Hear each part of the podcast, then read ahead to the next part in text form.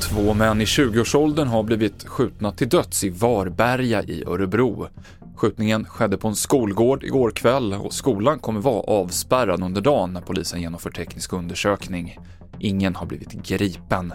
I samma stadsdel så sköts en man till döds för drygt en vecka sedan, men polisen säger att det är för tidigt att säga något om samband mellan morden.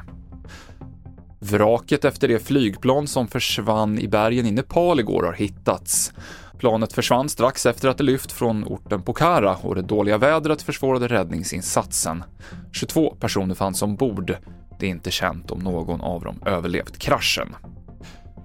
Och det är inte bara på Arlanda flygplats som köerna till säkerhetskontrollerna är långa.